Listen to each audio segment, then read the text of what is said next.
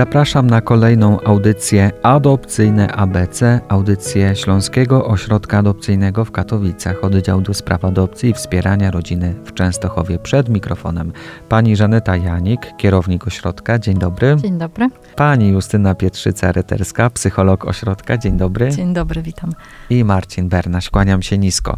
Tydzień temu była mowa o alkoholowym zespole płodowym FAST. Ten dzień w charakterze Dnia Międzynarodowego obchodzony jest 9 września i spod literki F naszego alfabetu adopcyjnego jeszcze pozostało nam jedno zagadnienie formalności adopcyjne. Ten temat już gdzieś kiedyś między wierszami przy okazji innych zagadnień się pojawiał, ale dzisiaj troszeczkę uporządkujemy wiadomości spod hasła formalności adopcyjne poopowiadamy troszkę może jak to od początku, jeśli mówimy o naszym oddziale, tak, bo będziemy się jakby wypowiadać za, za jakby nasz... Środek, który wy prowadzicie. Tak. Natomiast mniej więcej większość tych procedur w miarę jest też podobna. Zawsze na pierwszą rozmowę taką informacyjną, niezobowiązującą dla kandydatów, zapraszamy do ośrodka.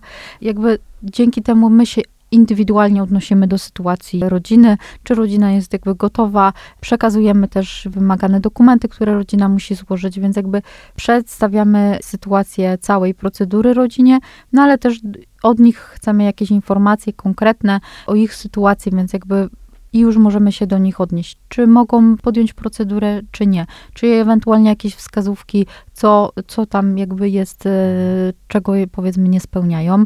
Jeśli rodzina spełnia, no to wtedy zbiera komplet dokumentów e, wymaganych, czyli dochody, świeży taki zupełny akt małżeństwa muszą małżonkowie złożyć.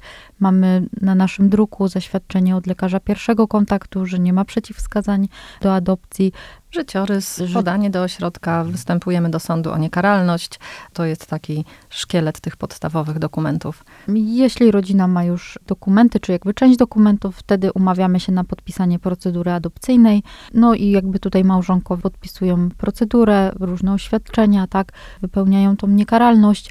No i wtedy podejmujemy jakby traktujemy już wtedy e, już rodzinę jako naszych kandydatów. Umawiamy się na spotkania diagnostyczne, na rozwiązanie testów psychologicznych przez rodzinę. Umawiamy się z nimi również na wywiad w miejscu ich zamieszkania i po tej części jest komisja kwalifikacyjna. Są dwie te komisje i wynikają one z przepisów ustawy, czyli jest taka wstępna komisja kwalifikacyjna i może być ona pozytywna lub negatywna. No jeśli jest pozytywna, to małżonkowie uczestniczą w tym momencie w szkoleniu. Jeśli jest negatywna, to mówimy, jakie są przyczyny. Następnie małżonkowie biorą udział w szkoleniu. U nas jest to 8 spotkań grupowych i jedno indywidualne.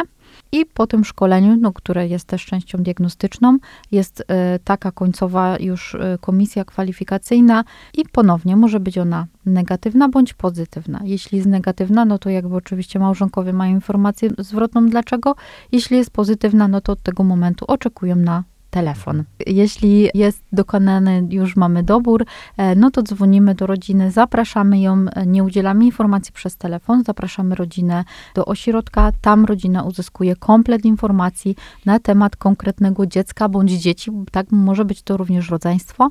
Wtedy my też wszystko to, co wiemy, to jakby przekazujemy rodzinie, opowiadamy o, o dziecku i jeśli rodzina się decyduje, to wtedy uczestniczymy w pierwszym spotkaniu z dzieckiem.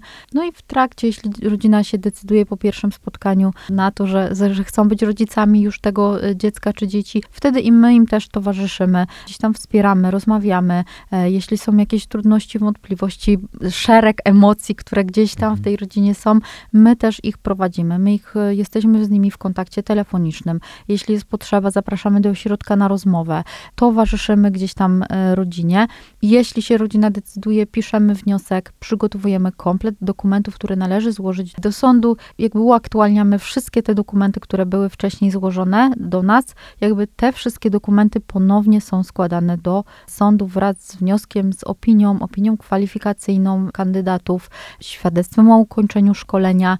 Komplet tych dokumentów my przygotowujemy rodzinie i rodzina w tym momencie składa je albo osobiście, albo my je y, wysyłamy za pośrednictwem poczty. Czyli o takich formalnościach adopcyjnych możemy mówić z pułapu ośrodka adopcyjnego, takiego jak Państwo Mhm. prowadzicie, z pułapu sądu i też e, ośrodka, w którym dziecko przebywało w tym czasie, kiedy zostało e, już e, odebrane rodzicom i rodzice zostali pozbawieni praw rodzicielskich, wychowawczych? Może być tak, że są sądy, które jakby zwracają się do opiekuna prawnego o opinię o przebiegu kontaktów. Wtedy opiekun prawny musi się wyrazić. Jeśli jest to rodzina zastępcza, no bo jeśli jest dziecko w rodzinie zastępczej, to opiekun, to rodzic zastępczy jest opiekunem prawnym najczęściej. Więc wtedy do rodziny zastępczej bądź do opiekuna, który jest e, pracownikiem placówki i oni wtedy jakby tak, muszą też e, swoją opinię. No, trakcie sprawy o przysposobienie nas jako ośrodka my nie uczestniczymy w, w tej rozprawie sądowej. Uczestniczą sami wnioskodawcy, czyli nasze rodziny, no i opiekun prawny, który jest reprezentantem dziecka. On reprezentuje dziecko przed sądem. Dużo tych formalności, Pani Justyno. Sporo, ale myślę, że najważniejsze, żeby też wybrzmiało, że, że tak naprawdę my przeprowadzamy kandydatów przez te formalności, że, że to nie jest tak, że trzeba się nauczyć na pamięć i pamiętać, co, co, co w następnym etapie nas czeka, tylko rzeczywiście jakby my tak naprawdę na każdym etapie jakby przypominamy, co dalej, jak zrobić, tak, jeśli rzeczywiście już to jest ten moment, kiedy, kiedy o, o sąd y, tutaj, tak, współpracę z sądem roz, rozpoczyna rodzina, czyli jest złożony wniosek, tak, no to my pomagamy właśnie i w sporządzeniu tych dokumentów, i, i w kontakcie z sądem. Oczywiście rodzina sama też, też może, y, ma jak najbardziej prawo i możliwość, żeby, żeby dowiadywać się w sądzie, na jakim etapie jest ich sprawa, ale my też ze swojej strony bywa, że, że piszemy jakieś pismo o, o przyspieszenie sprawy, y, że, że gdzieś tam do, dowiadujemy się, więc na pewno rodzina nie jest zostawiona tutaj y, sama sobie. Podpowiadamy też później, jakie formalności należy poczynić w momencie już zawiązanej adopcji, tak, że, że to postanowienie się musi uprawomocnić, że musi być wyrobiony nowy akt urodzenia dziecka, że trzeba dziecko, nie wiem, ubezpieczyć, zameldować, tak, zgłosić do przychodni, więc o, o tym jakby przypominamy i, i rodzina absolutnie nie, nie zostaje sama z, z, tym, z tym wszystkim na głowie. Czasowo jak długo te formalności adopcyjne trwają? Pewnie to zależy od, indywidualnie od dziecka. Bardzo indywidualnie. Myślę, że od, jakby też od sądu, tak? Jakby jak szybko sąd, jakby no tutaj na to nie mamy jakiegokolwiek wpływu, bo są sądy, które na przykład, nie wiem, dają nam miesiąc powierzenia pieczy, a jest sąd, który daje cztery miesiące powierzenia pieczy, więc jakby tutaj nie jesteśmy w stanie jednoznacznie określić jakby tego czasu, więc tutaj bardzo, bardzo indywidualnie. Jak dobrze policzyłem, to chyba trzy pytania zadałem tylko w tej audycji i bardzo dobrze, więcej chyba nie potrzeba, bo chcielibyśmy jeszcze podczas dzisiejszego spotkania zagrać pewne świadectwo jednej z rodzin, która zdecydowała się także na adopcję i myślę, że takim świadectwem spuentujemy tę część naszych rozmów wokół formalności adopcyjnych. A za przygotowanie tematu do dzisiejszego programu dziękuję pani Żanecie Janik, kierownik Śląskiego Ośrodka Adopcyjnego w Katowicach, oddział do spraw adopcji i wspierania rodziny w Częstochowie, już prawie na jednym wydechu mówię, i pani Justynie Pietrzycy-Reterskiej, psycholog ośrodka. Dziękuję. Dziękujemy. A ja Państwu przypomnę, że nasze audycje można posłuchać na stronie radiojasnagora.pl w zakładce audycje pod literką A jak adopcyjne ABC, ale także w formie podcastów na Spotify i Podbinie. Mogą Państwo też napisać maila do ośrodka na adres ośrodekmałpaadopcje.chest.pl adres bez znaków polskich. Można zatelefonować pod numer 501 359 818 lub 501 362 844 albo nawiedzić osobiście siedzibę ośrodka na ulicy Jana III Sobieskiego 17b w Częstochowie.